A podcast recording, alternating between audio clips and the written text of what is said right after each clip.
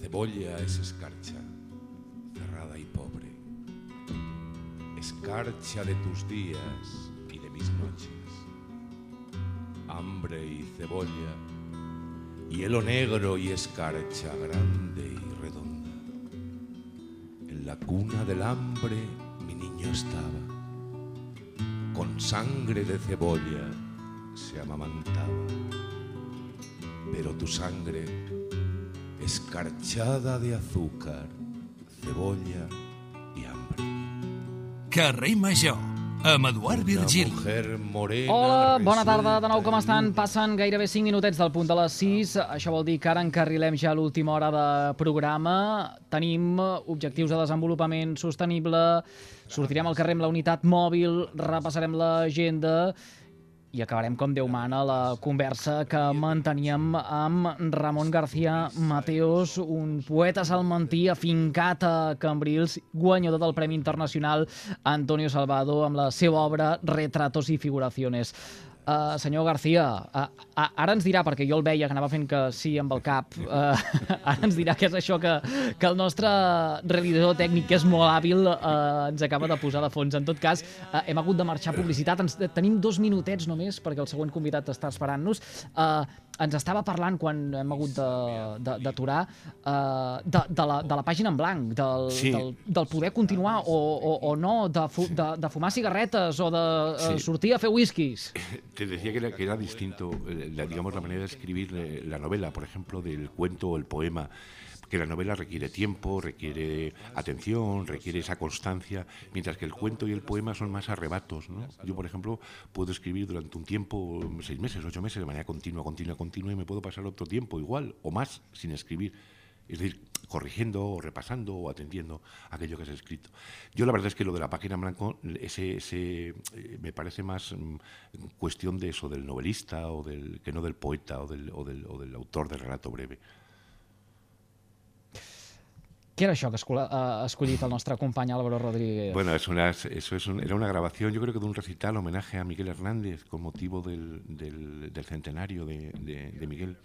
Yo recitaba Las nanas de la cebolla, eh, formando parte de un grupo, bueno, pues con el que hemos tenido algunas historias muy, muy, muy bonitas, que fue el grupo Goliardos, Poesía y Música, eh, que grabamos un disco con poemas de Goitisolo, que hemos, hicimos actuaciones bueno, por toda España, incluso fuera de España, estuvimos en Cuba en, en un par de ocasiones, y bueno, y ese un poco fue, una experiencia muy, muy bonita porque era eh, bueno, la poesía no ya desde el papel o desde el, o desde el aula, desde la escritura o desde, digamos, la docencia, sino la poesía de viva voz, la poesía encima de un escenario, la poesía acompañada de música, la poesía recitada y la poesía cantada, ¿no?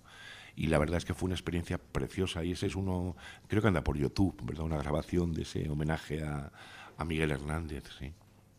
Molt interessant. M'ha m'ha agradat moltíssim de uh, conèixer-lo, uh, que avui hagi passat pels micròfons del carrer Major de les emissores de la xarxa al Camp de Tarragona. Uh, quina passió. Uh, M'explicava un exalumne seva que em penso que té asseguda ara just al uh, seu davant, que era la mateixa passió que posava a, la, a les classes. Moltíssimes gràcies per compartir aquesta soneta amb tots nosaltres. Muchísimas gracias a vosotros, ha sido un ratito estupendo. Que vagi molt bé, bona tarda. Gracias, buenas tardes. I gràcies també, Gemma Bufies, des de Ràdio Montblanc, que acabis de passar un bon dijous. Fins demà. Igualment. Passen 8 minutets del punt de les 6 de la tarda.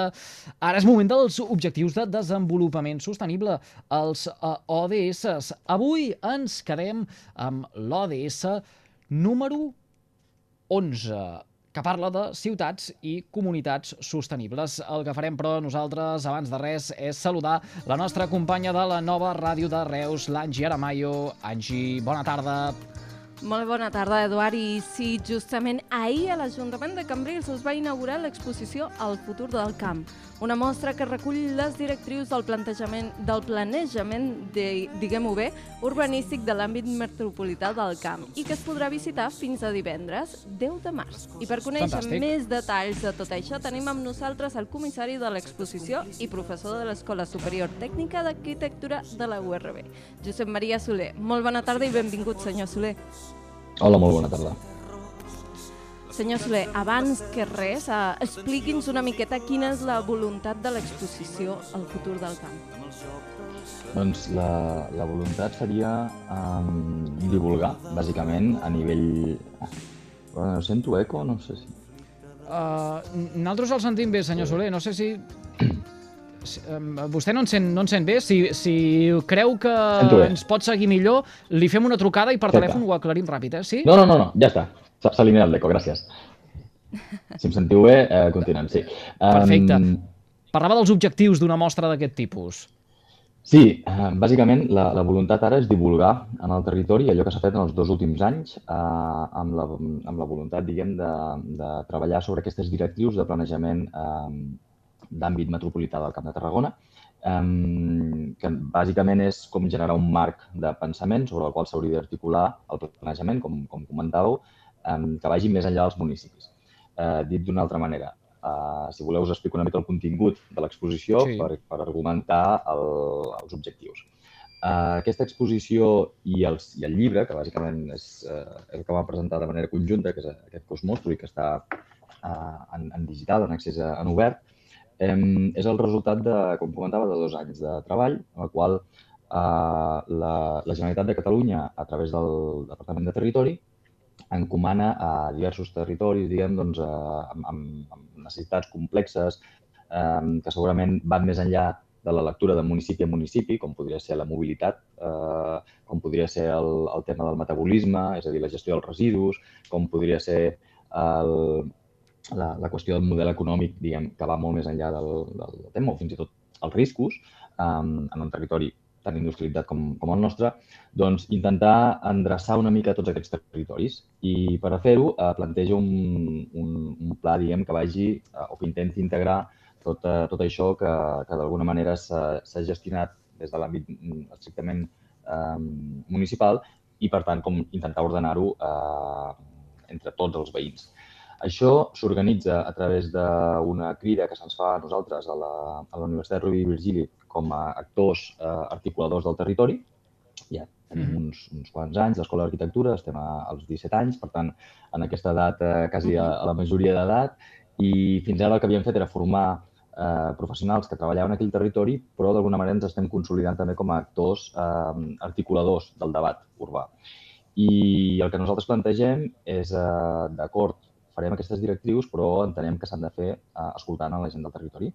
Um, I, per tant, el que articulem és una doble via. La primera és fem un prediagnòstic, intentem retratar-nos a nosaltres mateixos i buscar una sèrie de dades. És una, és una exposició, si, o llibre, com veureu, eh, extensa en dades, en dades concretes que intenten homogenitzar tot el territori i mirar-nos a tots per igual, sense límits administratius. Hi ha una voluntat precisament d'esborrar els límits administratius i entendre'ns com una, una unitat i, i dibuixar-nos com a tal.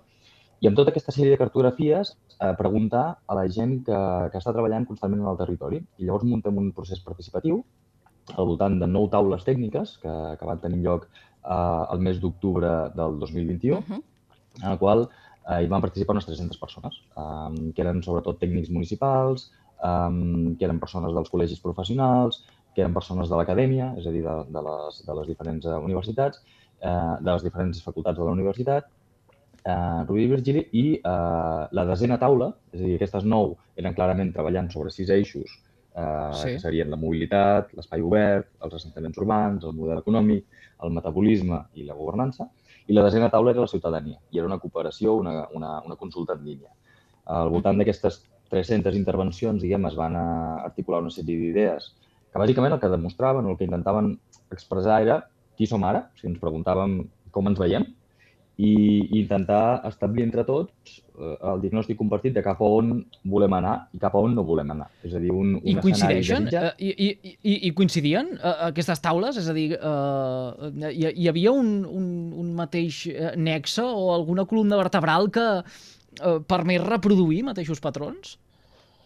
Sí, o sigui, en cada, en cada taula es treballaven dos dels eixos que havíem comentat, d'aquests sis, per tant, s'anaven articulant, eh, per exemple, no sé, mobilitat i economia, no? I, per tant, hi havia els experts que treballaven aquests dos temes eh, combinats eh, i així anàvem combinant. I el, el diagnòstic, eh, francament, va coincidir molt. O sigui, tots en, en, en l'horitzó no desitjable, tots ens hi vam trobar molt, molt còmodes definint-lo. Eh, perquè clarament el, el retrat, diguem, hi ha un punt de, de manca de governança entre tots eh, reconeguda, hi ha un punt de manca de cohesió i de fragmentació de les infraestructures reconeguda per tothom, hi ha un tema de la vulnerabilitat del, de l'espai agrari o l'espai agrícola que ens dona nom com a camp de Tarragona, però que alhora és el primer que hem maltractat. Per tant, en el diagnòstic eh, hi va haver un, un cert consens molt evident. En el camp desitjat, en aquell horitzó de cap a on volem anar, la, la, ja hi havia més varietat en aquestes propostes. I això també ens semblava interessant. Nosaltres eh, en, vam anar recollint, eh, vam anar recol·lectant tota una sèrie d'idees, una sèrie d'estratègies, que d'alguna manera vam articular amb allò que diuen les agendes urbanes més enllà del camp. No? I, I, per tant, teníem el retrat local de l'especificitat del nostre territori, que nosaltres ens, ens definim, nosaltres eh, ens identifiquem, i allò que, que és global, que va molt més enllà del propi camp i que té a veure amb, amb escalfament global, eh, que té a veure amb, amb canvi de model econòmic global, que té a veure amb mobilitats eh, eh, diguem, que van molt més enllà de nosaltres. Llavors, intentant ajuntar aquestes dues escales, vam cuinar el que seria el capítol 3 del, del llibre, que són les directrius que comentàvem. Perquè, com vostè sap, aquest és un espai dedicat als ODS, als objectius de desenvolupament sostenibles marcats per aquesta agenda que ens fa mirar cap al 2030. Quin paper mm. eh, han jugat a l'hora de fer aquesta composició que molt bé eh, ha explicat vostè? És, és la base sobre la qual hem de, hem de discutir, és a dir, si no, si no els incorporem no hi ha futur i, qualsevol, i, i un pla és, és pensar en aquest futur. Per tant, de, de manera orgànica s'han d'incorporar i les, les directrius, si voleu, us, us en llegeixo algunes perquè, perquè sí. tinguem clar més o menys en, en, el qual, en l'àmbit en el que ens ubiquem, hi havia aquests sis eh, eixos, que clarament ja era una declaració d'intencions, és a dir, nosaltres parlar de l'espai agrari com un eix, com allò que ens uneix, no? com allò que, més que, que allò construït, allò no construït, per tant, allò vulnerable, ja és una declaració d'intencions. I, i el, el, diguem, les directrius vindrien a ser com la primera, impulsar la mobilitat activa i el transport públic. És clarament eh, una aposta directa per una ciutat sostenible, per un territori sostenible.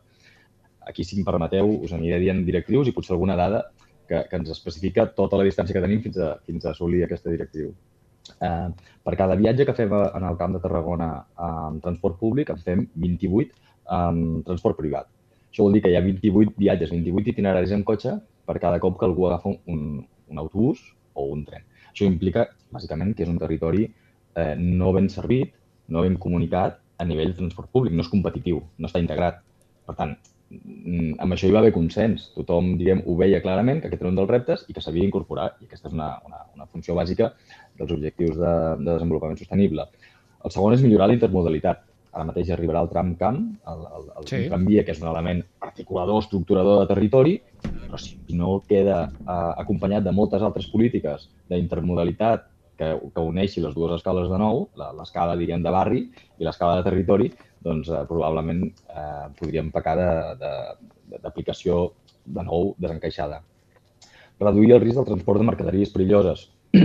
Som un territori extremadament afectat eh, per una indústria i hem de conviure en fricció constant i absoluta entre aquestes dues pulsions, no? la industrial, eh, l'habitacional i fins i tot la industrial turística, no? i química, turisme i tot això viuen, conviuen en un territori extremadament compacte, complex i, i confós a vegades. Eh, per tant, aquestes tres serien les de mobilitat, perquè ens fem una idea de globals que són. Eh, en tema de l'espai eh, obert o el medi agrari seria preservar i diversificar l'espai agrícola i els seus valors de paisatge, com comentàvem, formen part de la nostra identitat, però alhora són extremadament vulnerables. Els hem maltractat molt. Aquí tenim molta feina a recosir, a repensar, a modernitzar eh, aquest camp. Millorant l'ordenació i la connexió entre aquests teixits que comentàvem i, i l'espai agrícola i sobretot protegir i conservar els entorns naturals. Tenim un litoral, tant, tant fluvials com, com uh, marítims, eh, d'alt valor eh, eh, ecològic i alhora també amb unes pressions urbanes, amb un creixement, som un territori que ens hem desenvolupat moltíssim els últims 50-70 anys i en aquest sentit hem de protegir certs espais. I el mateix, si voleu, vaig passant ràpid, però el mateix en, en la resta de coses. En el tema dels assentaments urbans hem de potenciar aquestes ciutats sostenibles que comentàvem, modernitzant molts dels creixements. Eh, fa 50 anys vam construir molt ràpid, fa 40 anys vam mm. construir molt ràpid, fa 30 anys vam construir molt ràpid, i aquestes construccions que s'han fet de manera tan ràpida ara eh, no compleixen molts dels temes d'habitabilitat que nosaltres mateixos ens imposem. Per tant, eh, hem de, més enllà de construir la que fem ara que compleixi, la que, no, la que ja tenim, aquella que heredem, com la retransformem. Aquí hi ha un gran espai de, de cohesió també de treball. Ho està explicant d'una manera molt fàcil, d'una manera, eh, jo suposo que pel fet de ser tan entenedor, eh, puguem estar ara escoltant-lo i anar fent que sí amb el cap, perquè és, és tot lògica. El que passa és que tinc la sensació que això que és tan lògic, després a l'hora de la veritat, eh, no és el que eh, els nostres governants eh, acaben posant en pràctica. Eh, ara parlava, per exemple, de, de, de, de construcció, de la manera com s'ha massificat el territori, de si tenim eh, cura o no en els eh, paisatges agraris vindrà l'estiu, amb la sequera que hi ha, eh, reivindicarem no, eh, el mosaic eh, per evitar incendis. Eh, això no s'ha estat eh, fent. Eh, ara, vinculat amb la sequera, eh, parlem també de eh, com ens fem grans, si és que ens hem de fer més grans.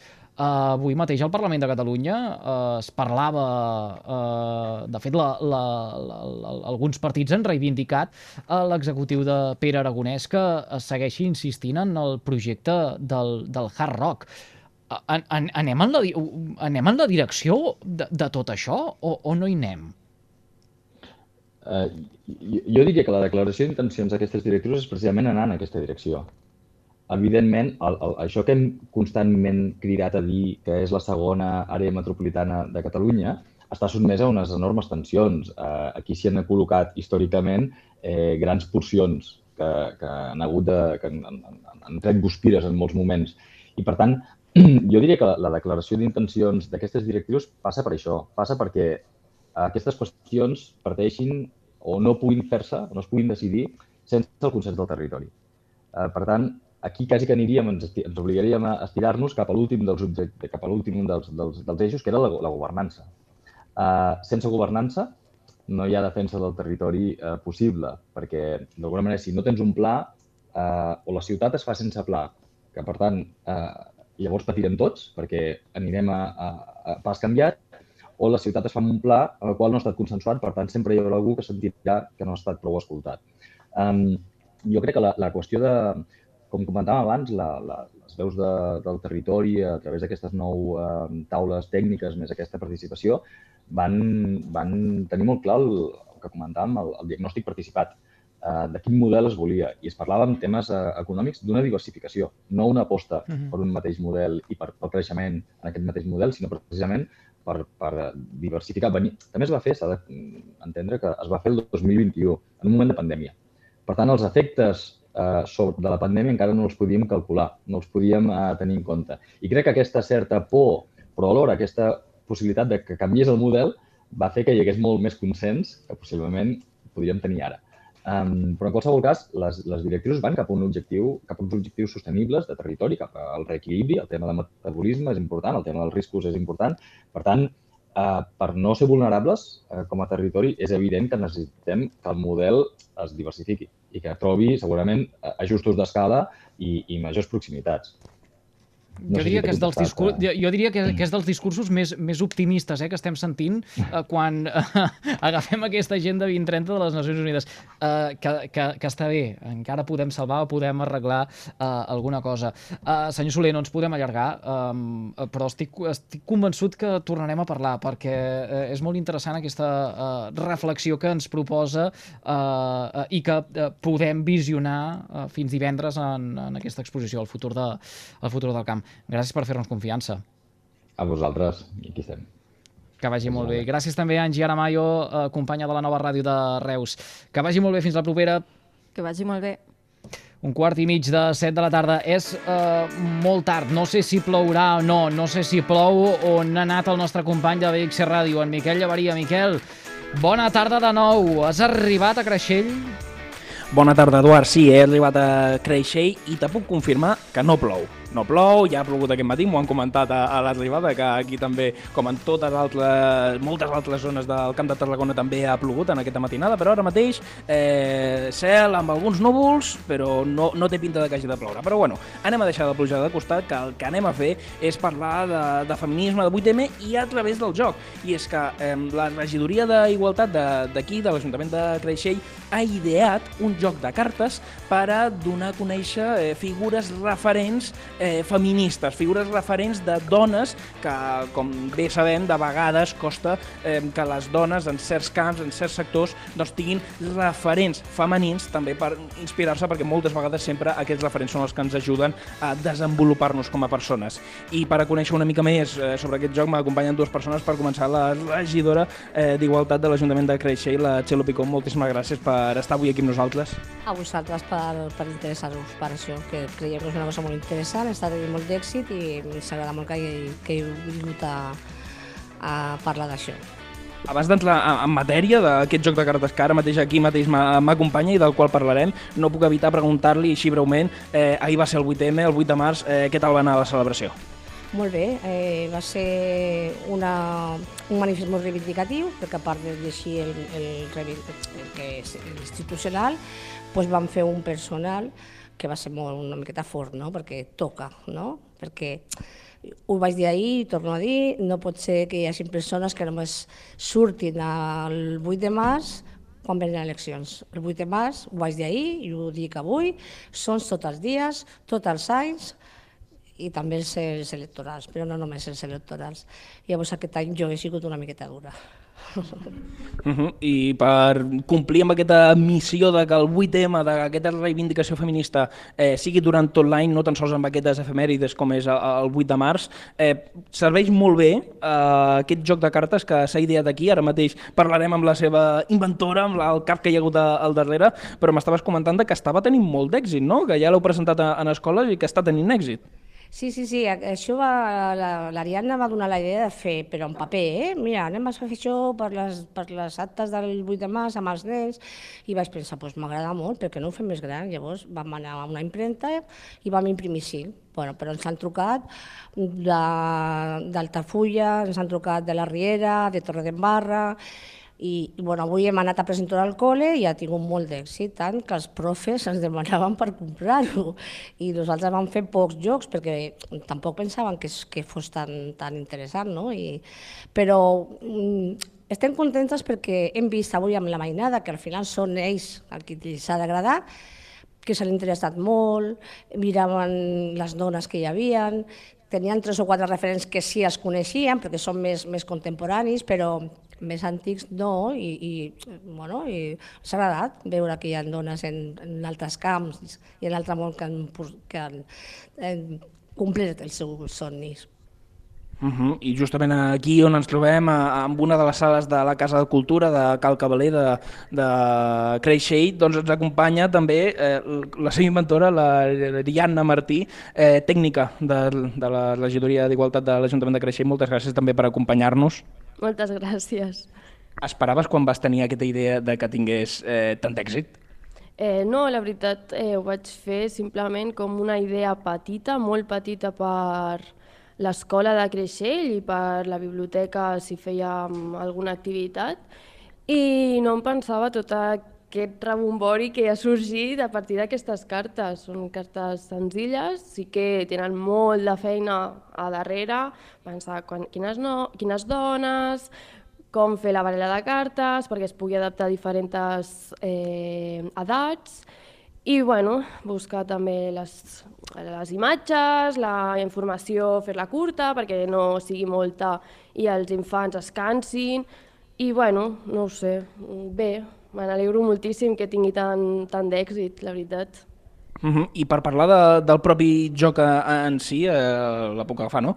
Doncs, doncs mira, per a aquells que ens estiguin ara mateix seguint en streaming, que no sé si es veurà des de la distància, però són unes cartes, eh, cadascuna té doncs, una imatge, que és una fotografia, o un dibuix, i en cada una doncs, hi ha el nom de la dona, més una imatge, més una mm, petita descripció. I estic veient aquí eh, dones eh, tan reconegudes i tan d'actualitat com és Alexia Putelles, Emma Watson o la Rosalia, com també d'altres eh, figures femenines potser no tan conegudes, sobretot perquè algunes eh, me sembla que ja tenen eh, anys o segles i tot, no? Sí.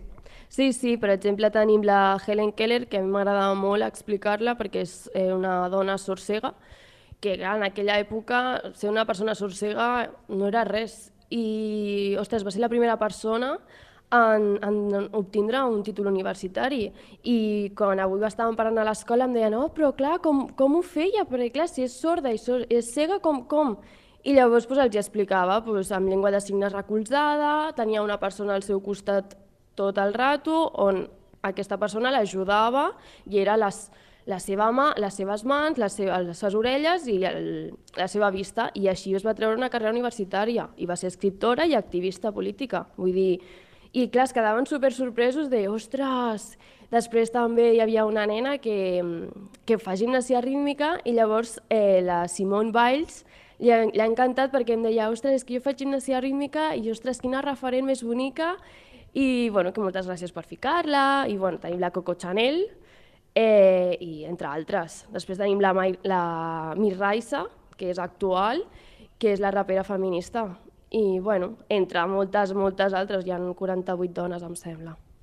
Uh -huh. I a part de que són una baralla de cartes amb, amb la qual eh, podem fer conèixer els nens a través del joc, una, una cosa tan bona que és eh, aplicar el joc a l'aprenentatge, a part d'això, és que també m'has comentat que podem fer servir aquesta baralla de cartes per si ens apeteix jugar a algun dels jocs tradicionals que, que coneixem de, de tota la vida, també és aplicable, també es pot fer servir.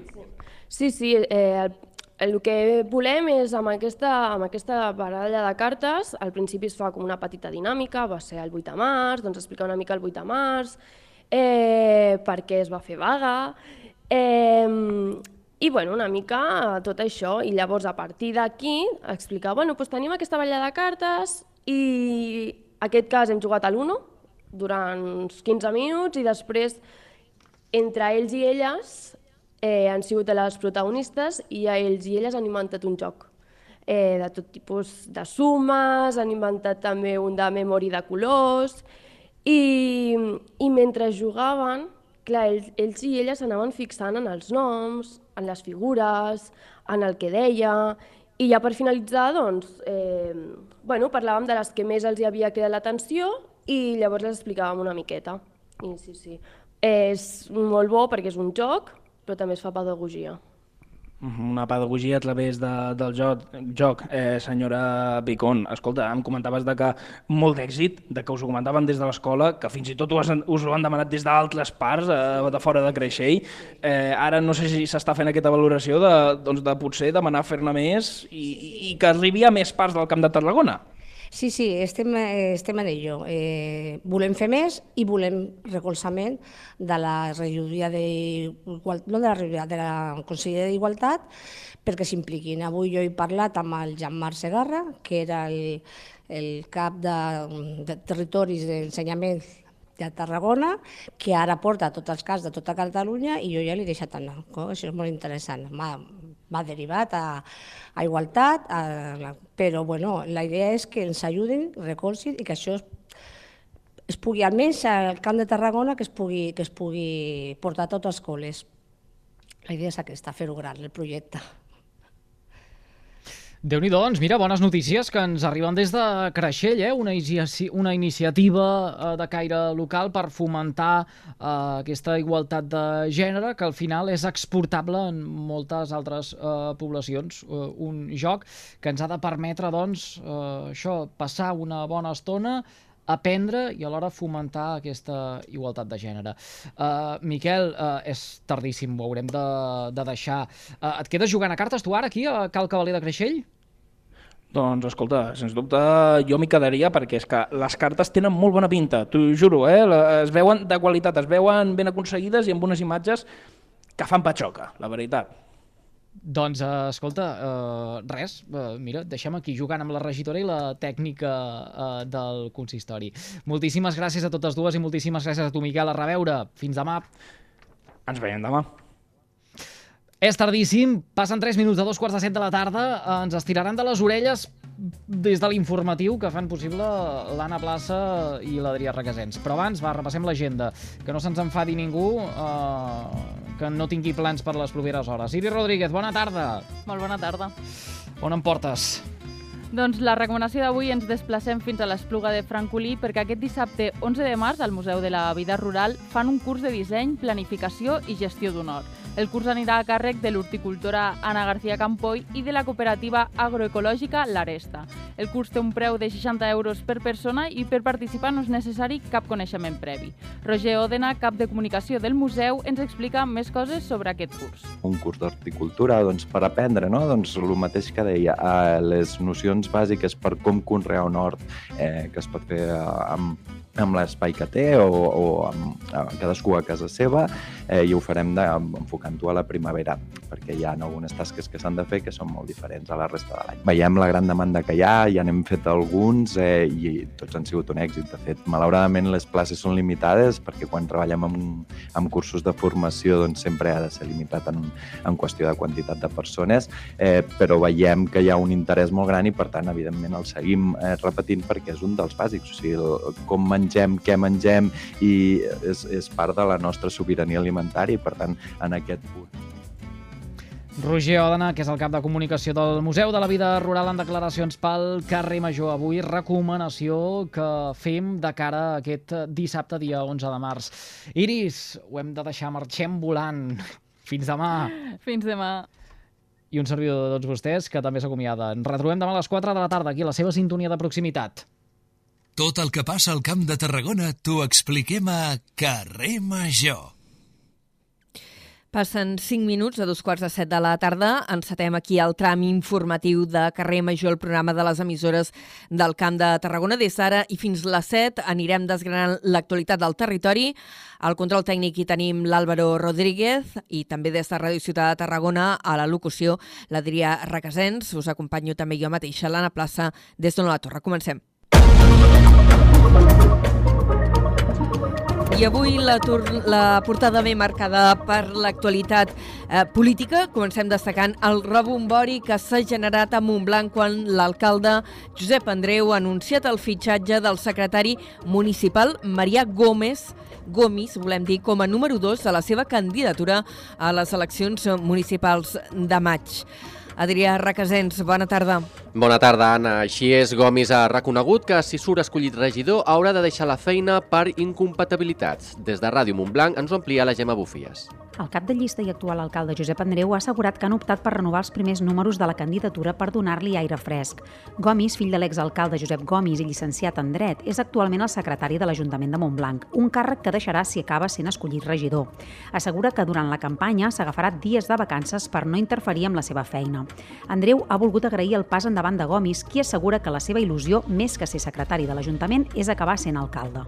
Escoltem Maria Gomis i Josep Andreu la meva funció de secretaria seria incompatible amb la presa de possessió del càrrec de regidor, si és el cas.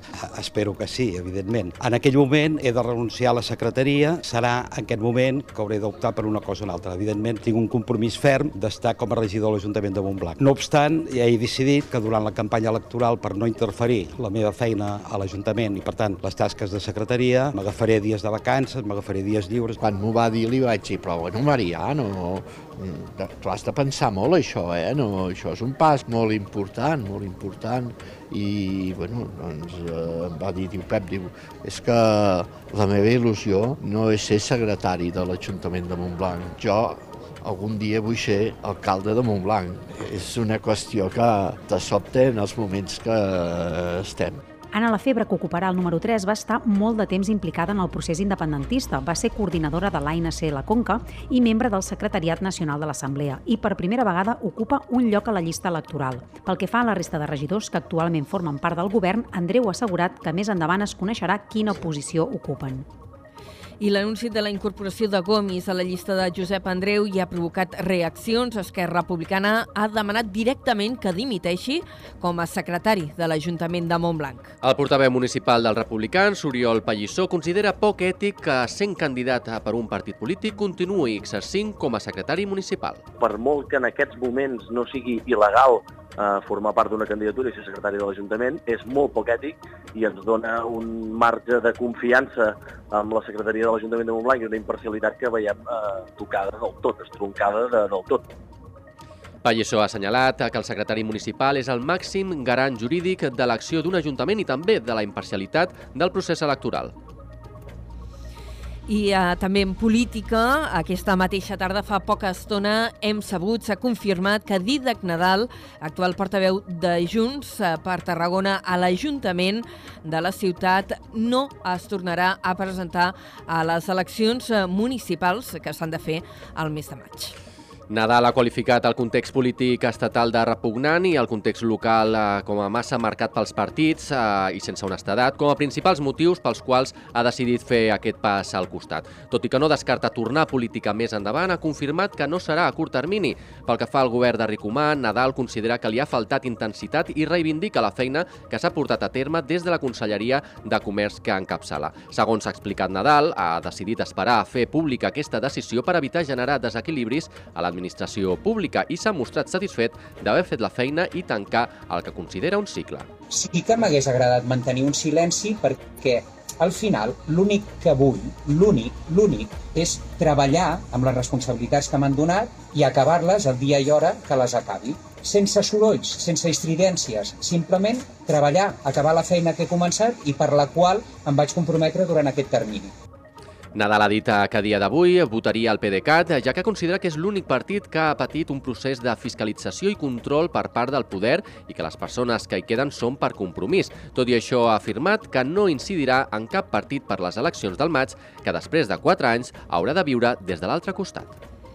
I més política ara en àmbit territorial. La CUP ha registrat una proposició de llei perquè el fons de transició nuclear arribi al 90% del que recapta en impostos. La proposta, que ja s'ha entrat al registre del Parlament, planteja eh, que els diners es destinin a finançar actuacions de desenvolupament socioeconòmic i de transició energètic. El text també aposta per repartir els diners de manera ponderada. Això vol dir que els municipis més propers a les centrals nuclears s'enduriran més s'enduran amb més quantitat de fons, volem dir.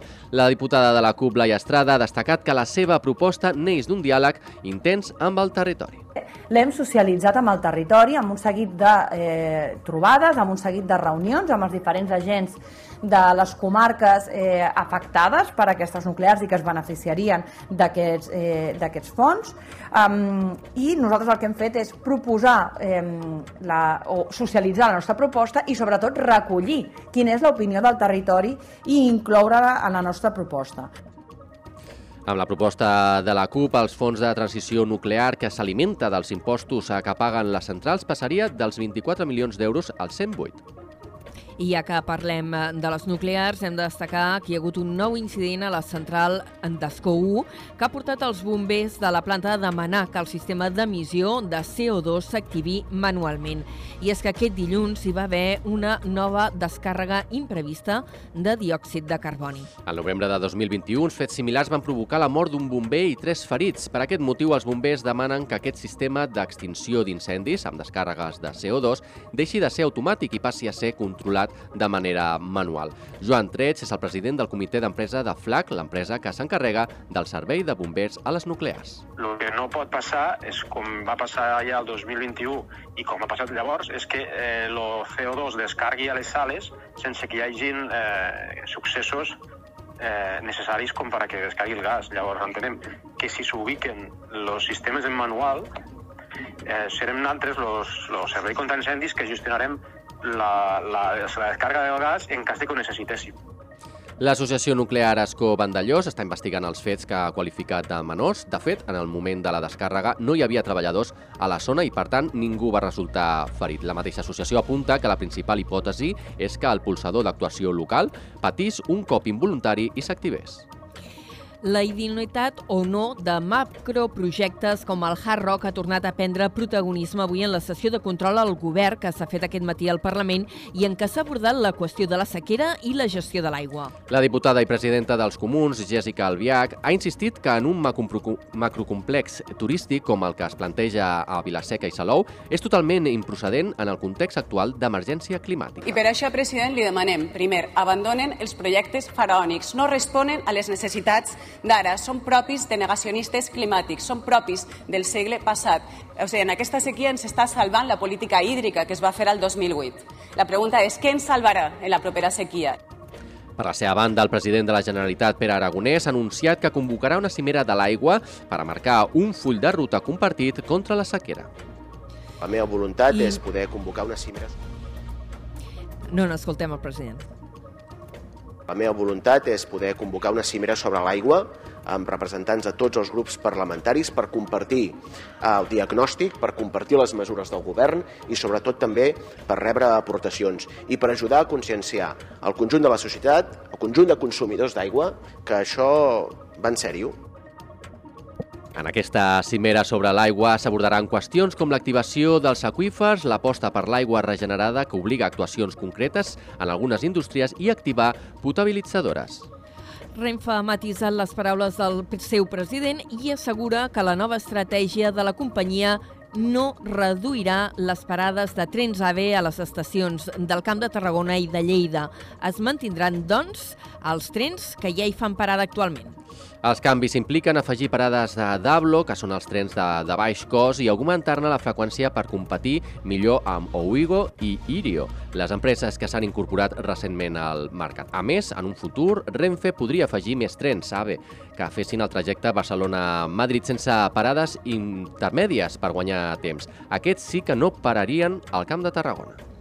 I d'altra banda, Renfe ha anunciat avui que ha adjudicat a l'empresa Stadler el subministrament i manteniment de 12 locomotores que farien el servei al corredor mediterrani. La companyia ha detallat que aquestes noves locomotores seran elèctriques de gran potència i funcionaran amb ample de via estàndard. Costaran 136 milions d'euros, dels quals 15 es, es pagaran en fons Next Generation. El contracte també inclou en el seu manteniment durant un període de 15 anys. El termini de lliurament de les locomotores s'acaba el 31 de desembre de 2025. L'operadora preveu destinar les locomotores al corredor del Mediterrani on Adif encara treballa en la instal·lació de l'ample estàndard en molts dels seus trams, entre ells els de Tarragona. Les noves locomotores permetran a Renfe Mercaderies incrementar el volum de tràfics.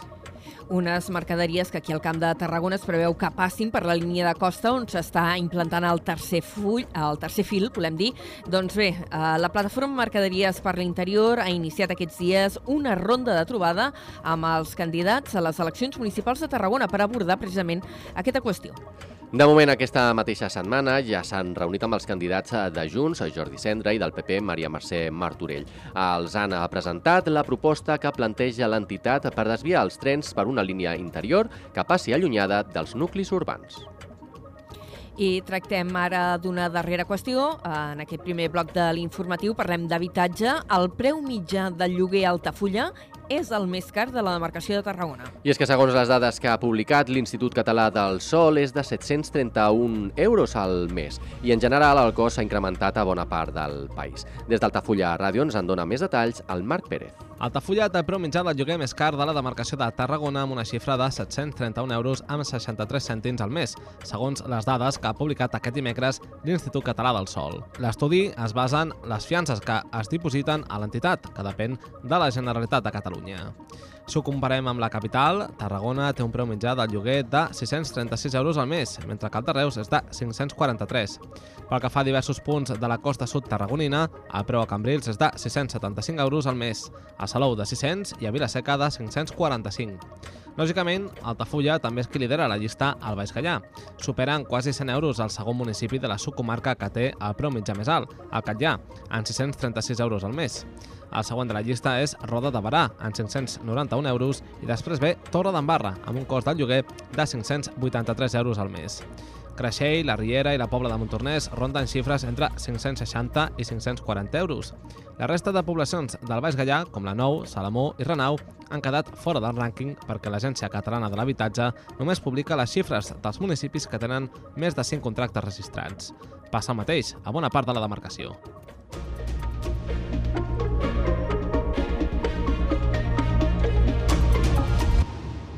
Passen 3 minuts de 3 quarts de 7 de la tarda. Ara abordem ara notícies de l'àmbit judicial i de successos. Avui ha començat a l'Audiència de Tarragona el judici per l'acusat de violar una menor en una pizzeria de Flix l'any 2019.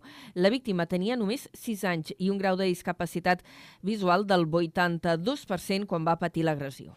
El Ministeri Fiscal i l'acusació particular demanen 12 anys de presó per un presumpte delicte d'abús sexual continuat en penetració a menor de 16 anys. La defensa en demana, en aquest cas, l'absolució. El judici ha arrencat avui i ha començat a porta tancada perquè ha, ha declarat la nena, eh, que quan va passar els fets només tenia 6 anys, com dèiem. Segons l'escrit del fiscal, l'investigat va portar la víctima enganyada al bany del restaurant i li va agredir sexualment. Entre el 2018 i 2019, el processat també en va abusar. I els Mossos d'Esquadra han detingut, ho feien aquest dimarts, un home per robar fins a 68 comptadors d'aigua en nou comunitats de veïns del municipi de Reus. Se li atribueixen nou delictes eh, de robatori amb força, nou de danys i un delicte més d'estralls. L'home utilitzava el mateix modus operandi en totes les seves ocasions. Accedia a l'interior dels quartets de subministrament d'aigua de les comunitats de veïns i amb una clau anglesa o un tornavís sostreia els comptadors, aixetes de coure i material divers. Els Mossos van comprovar que el sospitós havia venut 22 dels comptadors d'aigua en una ferrovellera de Reus. I l'Ajuntament de Reus ha anunciat avui que ja ha posat en marxa la oficina virtual tributària. D'aquesta manera, diu que culmina el projecte de reorganització interna i de transformació digital de la Hisenda Municipal. El consistori ha informat que la nova oficina virtual tributària permet a la ciutadania conèixer l'estat dels seus impostos i tràmits administratius amb la hisenda municipal, també pagar els seus rebuts de manera immediata i gestionar el seu compte tributari. La implantació d'aquesta oficina virtual compta amb un pressupost de 3 milions d'euros per 10 anys i ha rebut una subvenció de 400.000 euros dels fons Next Generation. I anem ara cap a Valls, on avui s'ha inaugurat la 22a edició de l'Espai de l'Estudiant al Saló de l'Ensenyament a la demarcació de Tarragona. Hi ha una, seixa, una seixantena d'estants que, a més d'avui, també es podran visitar demà. Ens ho explica des de Ràdio Ciutat de Valls, en David Prats. La present edició, organitzada un cop més pel Consorci Preuniversitari al Camp Conca de Barberà, té 61 expositors, xifra que bat rècord i que ajuda a superar les tres edicions anteriors marcades per les restriccions de la Covid-19. Ho explica el responsable de l'organització, Francesc Xavier Domingo. La veritat és que després de dos anys de patir una miqueta, l'any que vam fer l'espai virtual i l'any passat que el vam fer restringit, enguany torna a estar tot obert, tenim rècord d'expositors, tenim rècord de visitants, vull dir que hem tornat per damunt del que teníem abans de la pandèmia. A més, també augmenten les previsions de centres visitants en un 25% respecte a l'any passat. L'espai de l'estudiant ofereix tota l'oferta formativa de Catalunya, així com cicles formatius i estudis de postgrau en diversos àmbits i també altres recursos per a estudiants com informació sobre beques o allotjaments. A més, es compta amb la presència de professionals del Consell Interuniversitari de Catalunya, del Departament d'Ensenyament, de l'Agència Catalana de Joventut i del Departament d'Empresa i Ocupació. Abordem ara notícies de caire social. La prova pilot del projecte Dinar en companyia que s'ha fet a Tarragona Ciutat va permetre servir més de 1.200 àpats durant els primers mesos de funcionament durant el 2022. Ha funcionat de moment al barri de Sant Salvador. L'Ajuntament de Tarragona ha renovat aquest conveni i té voluntat d'estendre aquest projecte de suport a la gent gran que se sent sola al centre de la ciutat. Ens ho amplia Judit Fernández des de Ràdio Ciutat de Tarragona. La solitud no desitjada i l'aïllament social que pateix una gran part de la gent gran s'ha agreujat amb la Covid-19.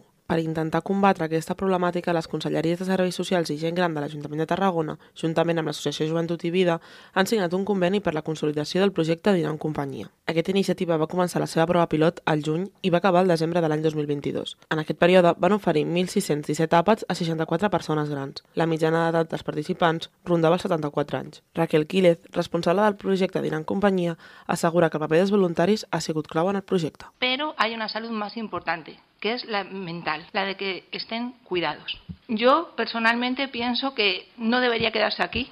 Si podemos extender, nosotros estamos dispuestos. Y es que tenemos un voluntariado muy especial. Y esa es mi fuerza, ¿no? Apostar por seguir transformando la ciudad. Por hacer Tarragona una ciudad donde no se olvide de nadie. Que cada uno de nosotros cuente. Y que entre todos hagamos una ciudad mejor.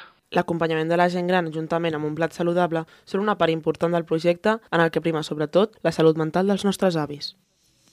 I a Torredembarra es preveu estendre el sistema de recollida de la brossa porta a porta a més zones, als barris de les Àmfores i de la Marítima. Aquesta és una de les principals actuacions del nou projecte de foment de la recollida selectiva que s'ha presentat aquesta setmana a la ciutadania. Des d'on a la Torre ens ho explica en Josep Sánchez. Per tal d'arribar als objectius de recollida selectiva que estableix la Unió Europea, l'Ajuntament preveu implementar la taxa justa amb el pagament per generació. Per fer-ho possible, l'alcalde Eduard Rovira va explicar que es vol ampliar el porta a porta a altres barris. Apuntava que aquest sistema dona bons resultats, però que necessita un temps d'adaptació per part de la ciutadania.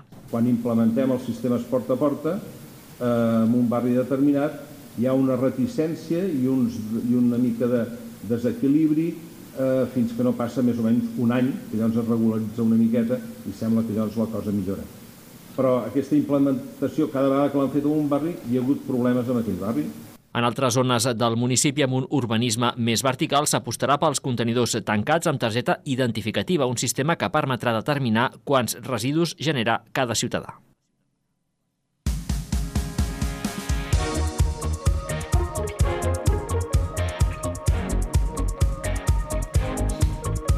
Moment de parlar d'esports. Ja han començat les inscripcions per a la dotzena cursa de la Portella de l'Hospitalet de l'Infant. La prova es farà el 19 de març, organitzada pel Club del Centre Excursionista Serres del Mestral, amb el suport de l'Ajuntament. Des de Ràdio Hospitalet ens ho explica l'Iris Rodríguez. Torna la cursa de la Portella, una competició de muntanya organitzada pel Club Centre Excursionistes Serres del Mestral amb el suport de l'Ajuntament de Vandellós i l'Hospitalet de l'Infant. La dotzena cursa segueix tenint els mateixos circuits que l'any passat, però han incorporat novetats novetats. Ens ho explica Joan Berenguer, membre del Centre Excursionista Serres del Mestral.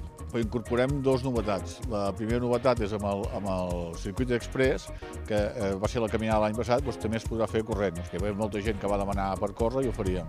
I amb el circuit clàssic, que també és el mateix l'any passat, hi ha alguna petita reforma i alguna, alguna millora, però també el que fem és que en el tramo des del barranc fins a la Portella serà cronometrat, amb un, amb un premi especial. La cursa de la Portella, que la fan possible una cinquantena de voluntaris i voluntàries, es destaca per la seva caracterització pel contrast entre mar i muntanya. L'objectiu d'aquesta competició és fomentar l'esport i donar a conèixer les muntanyes i l'entorn natural del municipi. Els interessats i interessades en inscriure's ja ho poden fer a través del lloc web 13esport.org.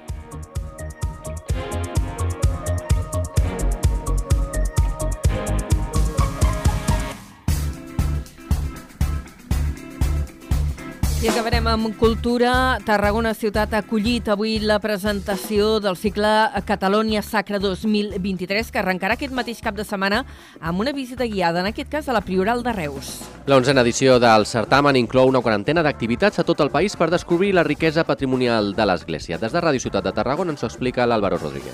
El Seminari de la Catedral de Tarragona ha acollit aquest dijous la presentació de Catalònia Sacra 2023, en presència de diferents representants dels 10 bisbats catalans Així arrenca l'onzena edició d'aquest festival amb més de 40 activitats a 15 comarques diferents de Catalunya i una al País Valencià, amb la voluntat de mostrar la diversitat i la riquesa del patrimoni cultural de l'Església.